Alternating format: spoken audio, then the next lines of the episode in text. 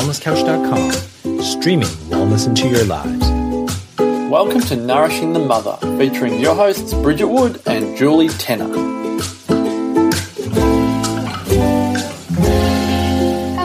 Welcome to Nourishing the Mother. I'm Bridget Wood. And I'm Julie Tenner. And today's podcast is sponsored by Karmic Cold Pressed Juices, who are a gorgeous little boutique company uh, local to Melbourne who do an alternative to your normal cleansing range. They do a cold pressed fresh juice range that is freshly done on the day you order it and sent out to you.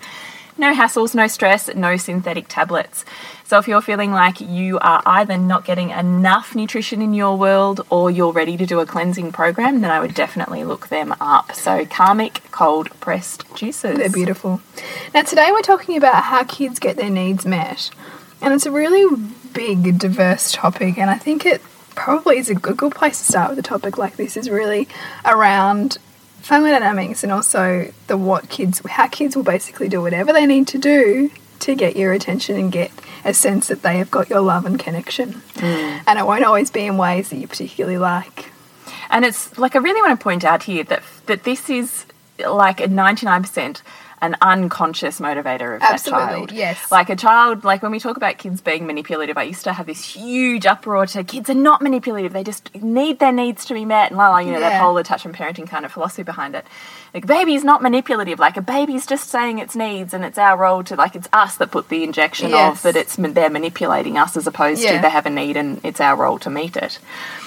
But what will generally happen is that they find a really creative way, not consciously, they're not going to say, I'm falling off that slide so that you have to then tend to me. But there's almost like this master manifesting happening in the universe yes.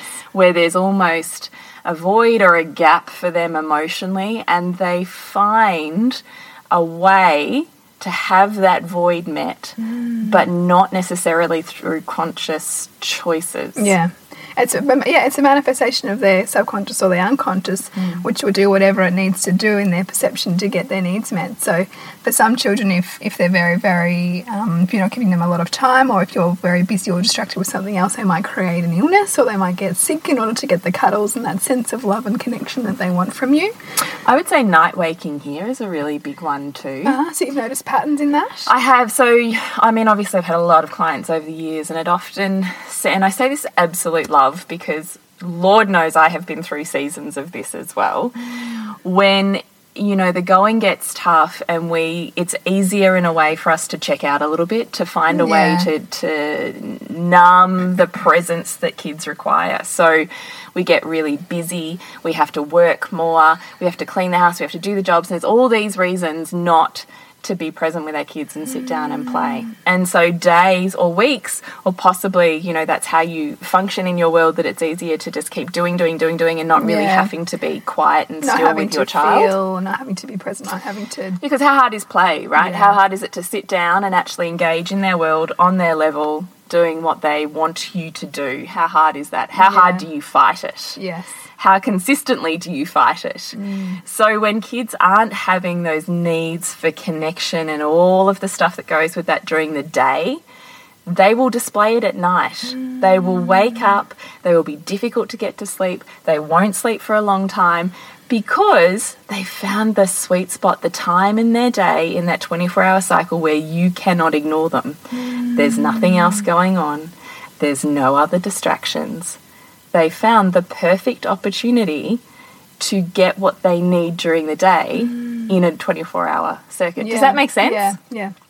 And so often, you know, without needing any night training, so to speak, the way to actually inverted commas break the pattern of night waking is to become very present during the day. Yeah. So it's slowing down it's stopping the rush, and all of a sudden, through the discomfort and the pain it can be for you to sit down and play Lego mm. for hours, or to go to the park and kick a footy, or to schedule your day with a bit of art and a bit of a park and a bit of a sit down and have lunch together. Yeah. All of that time. I'm not saying it needs to be all day, But if you can't manage, if you're having a terrible night and you can't manage two hours during that day at incredibly present time, that cycle's not changing. Yeah, yeah, and it's and looking for the outside fixes is only going to simply be a band aid because it's not going to address the core issue. No, and it will manifest in a different area Yeah, anyway. yeah. So if that pattern is broken in the night time through, you know, external, you know, uh, well, we all know what will happen there, is then there'll be another form that it'll take. So they'll Yeah. get sick, or it'll drive deeper into some other, you know, now all of a sudden they're hitting when you're out, or issues, you know, yeah. there's it comes up Yeah. in a number of different ways. It's basically that thing, you know, unless you're going to address the, the, the root cause, the root issue, Mm. it's simply just going to move somewhere else until it's dealt with, really. Yeah, which is the whole philosophy behind aware parenting and attachment parenting, really. Although aware parenting more. So I, would think look up. parenting more so. Yeah, yeah, and I would look up on the attachment play uh, podcast that we did with Marion Rose too, because that Yeah. would be a good companion to this. Another one too. I think earlier in earlier in our um, podcast, we did the podcast on love bombing, which also talks about similar Mm. that's right. concepts, really of, of of putting your child first and just almost basically saying yes to to going into their world for Mm. a defined period of time, and really filling their cup, and how powerful that is for shifting dynamics that can be. Mm-hmm. Really out of whack for whatever reason, because children really just crave connection. And so, you know, I have a lot of discussions with friends with, you know, young children, obviously, because I've got a three year old. And we so often don't look past simply the behaviour. It's just an mm. issue with the behaviour, mm. but without much of a consideration for what is the behaviour representing. Mm. The behaviour isn't happening in isolation Why is it there? why why is it there? And children, you know, as much as we might, might like them to articulate themselves, they're not able to say to us, "Oh, look, I'm just feeling like you really don't have time for me right now. Mm, I'm lonely. I I'm lonely. you, I'm Yeah. scared. I really want to cuddle." Yeah. No, it'll be through hitting or biting or continually doing things that you don't want them to do because they're getting a rise out of you. They're not getting. Well, they found the one thing. So if being sweet and gentle hasn't got that your attention, Yeah. then they're going to do the opposite because likely that's the thing that will get your attention. Yeah. So here's the manipulation, right? So it's mm. not manipulation out of, oh, I'm just here to get you. Yeah. But it's a very uh, creative, think outside the box, subconscious manifestation of these mm. kids to find how to get their needs met. And we've talked about this, like when you were talking about family dynamics, is that, and when we spoke to Lael actually too, is even if they can't get it directly from you, they'll find a way to get their needs met. If you mm. can't provide it, they will look outside of you for those needs. And, you know, that's a natural process and has to happen with the village. But if you're hitting your head against a brick wall right now with your child's behaviour, whatever spectrum it is, then for me, I don't know about you, Bridge, but I'm assuming it's a twofold, possibly even three, because I would bring in t- attachment play as well. Yeah. So first off, it's why is it there? What is it they're missing? I would say nine times out of ten, it's connection. So it's about finding how to provide that connection during your day. Mm. Second is allowing some of those really big boisterous feelings, some of that rage and anger to come out in a therapeutic way, which is where attachment play comes in. And then I would flip that mirror and say, where in your life are you not owning insert displayed behavior? Yeah. So, where in your mm. life are you feeling on the outer? So what is that? What is my child mirroring for me? Yeah. Mm. Where in your life are you feeling angry and frustrated? Mm. Where in your and not owning it as well, right? So you're burying it within yourself. It's being represented to you to own it. Yeah. So for me, that's kind of the threefold spectrum I do with clients, but also with myself. Yeah. And it's so powerful because and then you can and we talk a lot about this idea of the mirror and that everything around you is simply a reflection of you. That's absolutely when you're able to when you can access that. Mm. It, it's actually a, a sense of profound gratitude then to your child for what they're trying to reveal to you about yourself. You know, but it mm. can take a, it can take a lot of practice to get to that point because And do you know what? Facilitation as well. Because, Yeah. I mean, shit, Bridge, I sit here and say this stuff, but if it's a really hard thing that's going on with my kids and therefore me, hmm. I'm not dealing that with my, on, you know, on my own. Well, I think the thing is, if it's a really hard thing and, and it's going on and it's perpetuating itself, then quite often you're sitting in a lot of emotion, which means you can't do that No, you can't see the own. no, you can't Yeah. see the wood for the trees. Yeah. And you sometimes you need prompting from a coach to ask you those quality questions that have you go, ah, Yes, that's what I wasn't yes, seeing. the, you've, you've joined the dots. Yeah. But you can't do on your own. You can't expect you to have all of the answers Mm.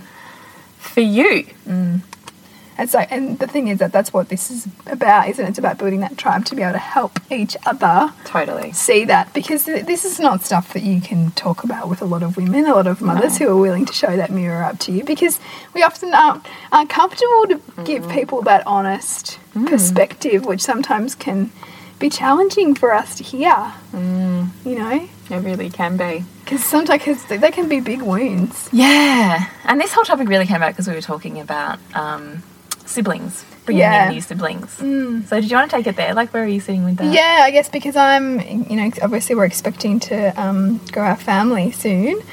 Um, so as, as I enter into the third trimester of pregnancy, and so I've really been tuning into where my son is at with that.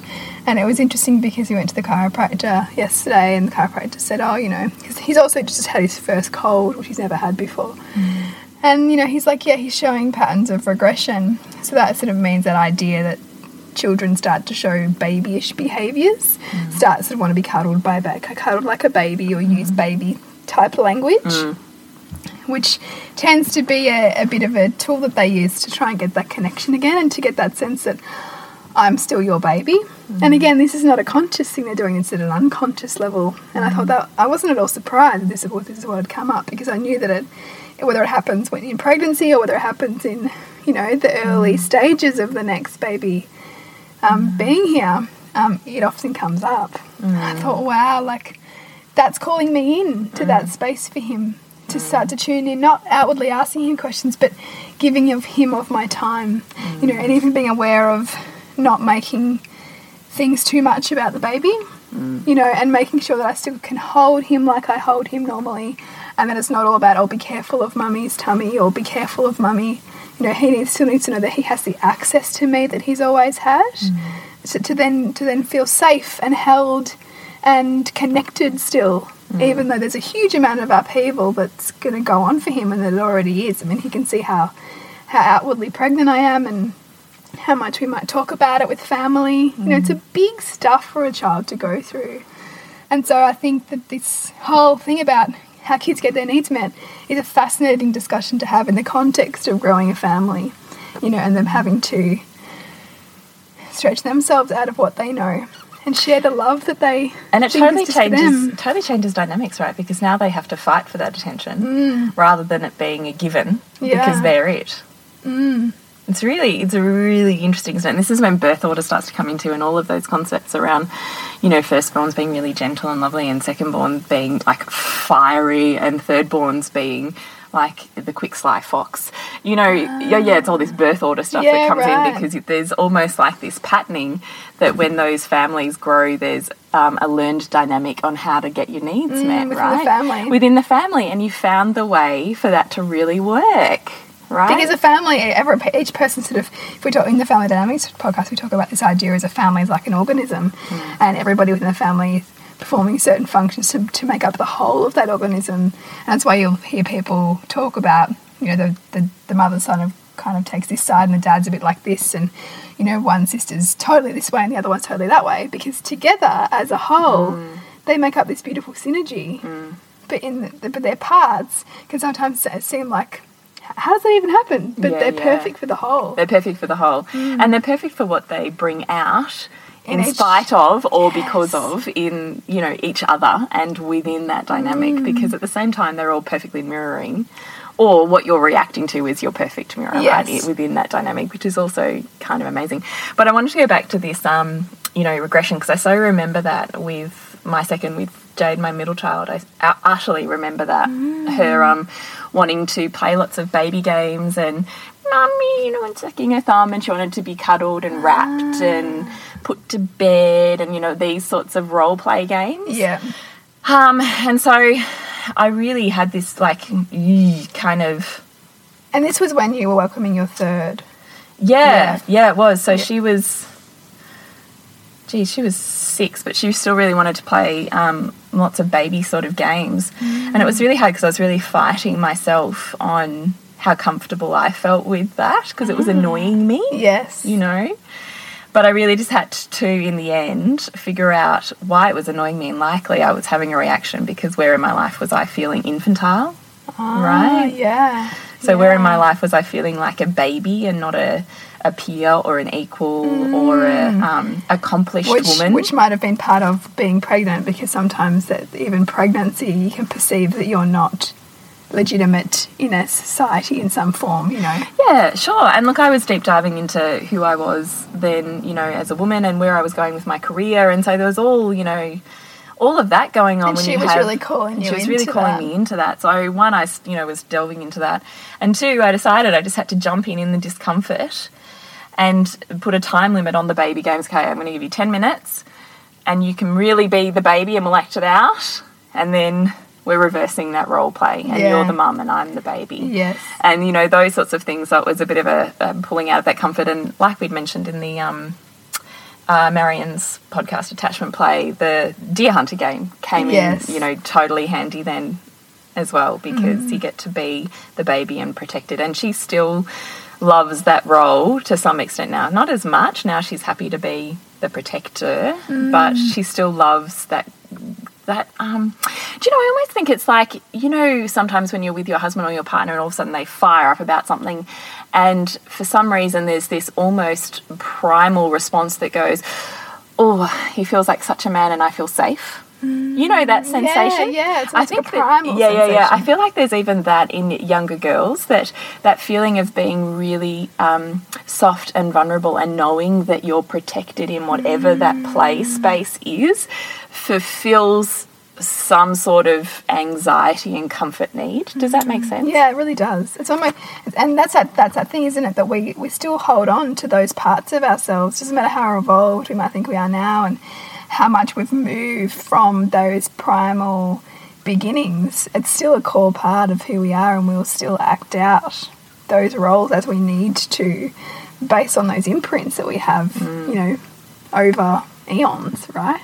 Yeah, totally. It's mm. really fascinating. So the hard part, right, is where is my mirror in that anyway? So mm. not every child's going to regress. So why is that happening is the Yeah. first part, right? So taking that mirror and that self ownership and seeing where in your life are you feeling uh, not empowered? Mm. You know, where are you feeling like a baby when everyone around you seems to be a grown up? And then flipping it then back to your child in terms of need for connection. What is it that they're needing? Well they're needing to feel safe again. Mm. So how do you provide safety? You provide connection and you provide an opportunity for them to outlet the fear and the anxiety involved in that. So rough play where they get to mm. really play it out and really gentle play where you really play into the vulnerability. Mm. So they're two you know really key ways to get out of it and definitely reading heaps of books on babies Yeah, you know, yeah. heaps of books on new babies coming in and um, birth and siblings. And the, and I think the key thing with you know that whole idea of welcoming a baby too is to allow the child to play out their anger or their frustration with it. Like I saw a great book once which was called Stupid Baby, and it was Mm. for toddlers, and it was basically you know allowing the toddler to act out through this story their frustration and anger about having to share Yeah. their time with their parents with this baby. Yeah, yeah. So instead of, you know, trying to dampen that and try and tell them that they should need to be nice to their baby brother and sis- or sister, which just encourages them to repress those feelings. And then they're going to come out in another creative way, Yes, right? yes. It's instead of giving them a form in which to express it. Yeah. You know, or, or do a, a game where they might want to um, have some toys and like one's the baby and they get to role play sending the baby back. Yeah. And you play Great that one. with them, you Great know, one. and you let them do that and you don't try to put limits on it or, you know, inject your own values or anxieties around them having that play, but you simply just allow them to express that and Yes. move through it. Yes. And that won't have that hold on them as much. They've been able to get through that themselves without having to act it out or in reality. Yeah, Yeah, yeah, yeah. yeah. Having the opportunity to act it out in playtime where it's safe and boundaried and okay to be a little bit off the Richter chart Mm. is, you know, fabulous. I love that. Role play is an amazing way to do that. Mm. I feel like we've skipped some steps. So I'd love, Jules, you for you to take us back to some of the bare bones, bare philosophy of aware parenting to kind of couch all of this in. Catch it in. Gee, I like that. Um, sure. Okay. Let's see where to start here. It's so funny when you get so far along, isn't it, that you Yeah. forget how to how to step it backwards. So I guess the philosophy of aware parenting comes from the point of view that no emotion is wrong. That mm. every emotion has a place and a point and a reason and needs a form of expression or it manifests in a form we don't want it to. Mm. So either that emotion is going to have a release and it's going to come out, and generally that's through tears or laughter, mm-hmm. or that emotion's going to be capped, suppressed, put the lid on, contained, and it's going to kind of be shoved further down in our bodies. Now, either that's going to come out in dysfunctional behaviour that we don't like, an inability to sleep and settle, mm. or it's going to come out in an illness. Yeah. And we all know this, right? How many times have you, beautiful women out there, been uber stressed, been like gone through some hideously emotional experience, and all of a sudden that has almost compounded into your physical body, and now you're sick? Mm. Like, we all understand that as a general concept. Yeah. Yeah. And that's really what I'm asking you to go into here is that whole philosophy around emotion can create illness mm. and it can create dysfunction. So when we just look at what is the physical body doing, we've kind of missed the whole reason why it's there. Because that's true. That's and as we've talked about, that's really like the last vestige, isn't it? You know, if something's manifesting in the physical body, that's like the It's been know, going on for a long time. Yeah, it's been going on for a while. It's been uh, it's been it's been trying to be expressed in other forms. And you've missed the small signals. Yes, whether Yeah. that's to yourself, if it's you that's sick, or if it's you know to your children, if Yes. it's them that's sick. And so again, it's understanding that it's a communication mechanism Yes, that's exactly to be right. understood, not simply just band-aided or, or That's right. you know fixed. So, being in our bodies means to me being able to sit really comfortably within your skin and be in connection with those communications, as you call them. Mm. That our physical body is a vessel for our spiritual or soul body, mm. which is always trying to communicate with us. And the level to which we, one, hear it through our intuition, and two, allow ourselves to tune in and connect to our physical body, which is often, in my experience, the harder route for most mm. women in our culture now because we're so cultured to remove ourselves from our physical body and Yeah. find ways, very creative ways to escape it Yes. through, you know, drugs and sex and alcohol Mm-hmm. and, you know, you name it, a myriad of ways just not to be in here. Yeah. Well, and, and comes from quite young. If you think about the way that we treat menstruation, for example, it's simply Yeah. something not to be seen. Exactly. Mm. So as soon as you kind of make that mind shift and you have that philosophy understanding of whatever's happening physically is a messenger to me that I've missed the Mm. more subtle layers of communication that have happened prior to that Mm. on an emotional and a spiritual and a mental level. So Mm. all of those layers of health and wellness for me now I realize are I don't want to say more, but I feel like kind of more paramount than what's happening at a very physical level. Yeah. Because the physical disappears when you deal with the other. Yeah, So absolutely. is it in the end really the physical that important? Do you know what Yeah. I mean? I mean, we often can still deal with the physical because we will do things that put intention there to fix it. So, for example, Totally, they're intertwined. They are, Yes. but but it's not simply you know, as we talk about. It's not simply the the nutrient component of the chicken soup that is what gets you better. It's the intention with which Yeah. you are creating that for yourself. yeah, It's and the, ritual and all of the other things you get in the process of saying I'm worthy of that nourishment. Yes. Yes, exactly. So taking it back full circle, now we've done another digression Yeah, yeah. on aware parenting. It's really coming, looking at our children as exactly the same as ourselves, Yeah. as souls in a human form that are called into our lives or that we ourselves have called in. One, to help us grow and expand, and two, because we are the perfect parent for them to help them mm. grow and expand. So it's this perfect interchange between the two of us or the three of us or however many kids you have. And each one of them will represent a different area of expansion for you and likewise you for them. Mm. It's really utterly perfect. The hard part is in when those triggers are happening, and we've talked about those before, and your kids are displaying something that's really hard for you, that you don't want to cope with, that you don't want to tolerate, that sets your anger button off or your disconnect uh, switch. That's where actually the biggest healing is required. And the healing comes through asking yourself really those quality questions, which you touched on earlier, but can be expanded out to, you know, include things like, you know, why am I holding on so strongly to my resistance here? Mm. You know, you know, why do I feel so, so strongly that there is that I simply can't do what they're asking me to do? What um, this situation is asking of me. You know, perhaps it might be asking you to take time off work, and you're feeling that you cannot do that. Yes. Why do you feel so strongly about that? Because Yes. you will So the answer's there anyway. Yes. Yes. but it's getting really. It's getting deeper into that. it's getting present Yeah. to that. It totally is. And recognizing, which we've talked about in numerous podcasts as well, that concept of when our children are behaving the worst, they need us the most. the most.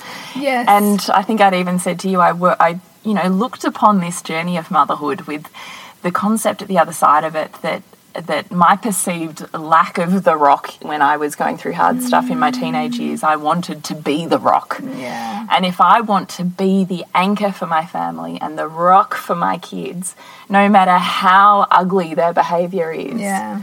it starts now. It mm. starts by saying to them, even in all your ugly glory and all the shit that you're doing that I hate, mm. I'm still here for you, loving you. Mm.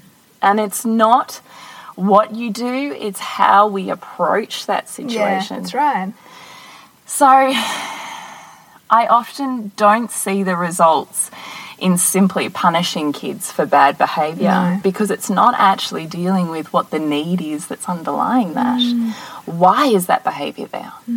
Because that's what is actually going to sort it out. Mm.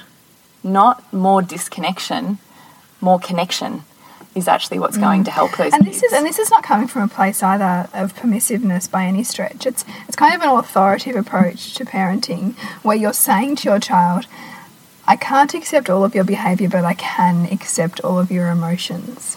Yes, exactly. And so that is where you go with it. and paving the way, right? Mm-hmm. Role modeling that there is a space for every single one of these feelings. Yes. And here's how we deal with them. And that's coming to a level of comfort with yourself around it being okay to be sad around your children, mm-hmm. to be angry around your children, explaining what anger feels like. And well, and how showing the way for your back to balance. Yes, you know, Right. what, what you do to help yourself balance Yes, out rather than totally. simply just, you know. It can't just be lip service. No. You can't just say to your kids, don't hit, and then you hit them for hitting. Yes. And you can't just say to your kids, stop yelling at me, Yeah. and then you're yelling at them. yes.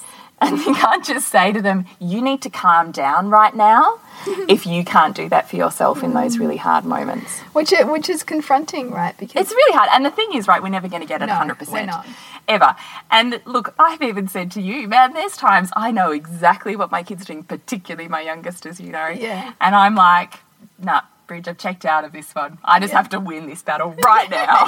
and I'll deal with the shit later. yeah, yeah, yeah, yeah, yeah. All reason and you know, like kind of clever mothering aside, yeah, yeah, yeah. we're just getting through this. Yeah, totally, right? But then I also am aware that it's never going away. No. but I'm conscious of that I need to pick the moments Yeah. for when I'm really able to hold the space for my Mm. kids and when that space is dried up and in which case why am I feeling like that and what do I need to put back in and what do I Yeah. need right it and, comes that- full and, circle and that's a powerful that's powerful for them too to see that. It's really powerful. Mm. Do you know, and actually, I should say, you know, that my son's 10 this year, and last year we had an absolute horror year with him flying off the rails with anger, and, you know, I had some really, really, really rough, rough public moments. Yeah. but it really intensively made us move into action planning how to deal with anger in your body, what anger looks like for a boy versus what it looks like and feels like for me, and the difference in how we deal with that. And we recognize that for my son, he has to move his body. So he cannot sit down, have eye to eye contact, and a deeply emotional conversation with me like my daughter can. Mm. So it's almost like connection points, right? If you if you take away what deep connection looks like, get rid of that, and you think of it of a point scale. Every child's going to have a different point system. Mm. So for my daughter, way up on the points of connection chart will be sitting down on the couch, eye to eye, cuddle time, talking deeply about things. For my son, that's like way down at number yeah, one yeah, yeah. for my son, playing one on one basketball and being a little rough and shovey is way up on the connection charts. Mm. For my daughter, it's like number one. Yeah, yeah, so it's yeah. about getting a concept of what mm. connection points look like for each of your children. And it's never going to look the same mm. for each one.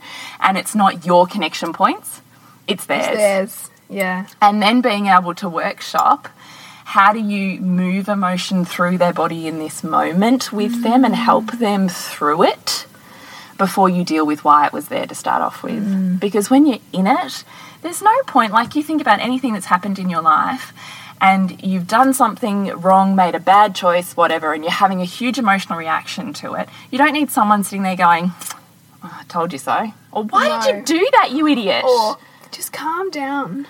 what you need is just to go, shit, that's hard. Yeah. And let that emotion out and then deal with how you can fix that situation. Mm. There's no point doing it in the moment, you've lost them. So for my son, we put in like a whole year's worth of connection time. So I think I'd said to you, we made his sisters were in bed by seven thirty, and he had seven thirty till eight, one on one with us, mm. instead of doing the dishes or whatever. It was Yeah. a check in with him. Yeah. It was regular one on one time playing basketball. If he was having an emotional reaction, we had his list of his way back to balance, mm-hmm. which is always physical. He has to move emotion through his mm. body. He has mm. to move to get it out because he cannot talk it out. My daughter can talk it out, but my son needs to move it out. So it's about recognizing that too, that when we're having a serious conversation, I don't expect him to stand still. Mm. He needs to be bouncing a ball, he needs to be moving his feet, we need to be for running around the block while we talk mm. about it. And that's really powerful stuff to actually go into that space of going, what does my child actually need versus what I think or what society might think he should need to get back into balance. Right. You know, because if, for example, some people might find that enormously rude. You know that he can't like Sit still, yeah, eye to eye or needs to bounce a basketball. Totally. But that's just an, And I did originally, right? Yeah. Until I really got it. yeah. I was really angry about it. Mm. Which is interesting, right? Because it would have been you injecting ideas. Well, I didn't feel listened to, yeah, yeah. which is totally my inner Which is child, funny, right? Then, because he wouldn't have felt listened to because you weren't hearing the way that he wanted to be communicated. That's really with. true too. Yeah, well done. Mm. Well done.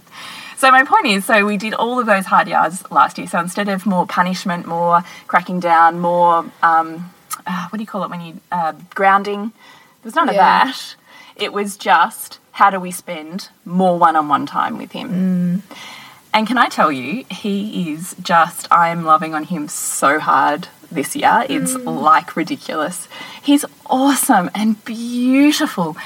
And instead of having this really deep, serious connection, which is what I thought it had to look like, I realized that deep connection you. for him is a bit of banter. And that instead of having the serious, emotionally empathetic conversations I have with my daughter, it's empathy through kind of ribbing. So you can be, you know, like flicking off these off the cuff, funny, you know, banter Yeah. that he gets, and he goes, "Oh, yeah, all right," you know, like this.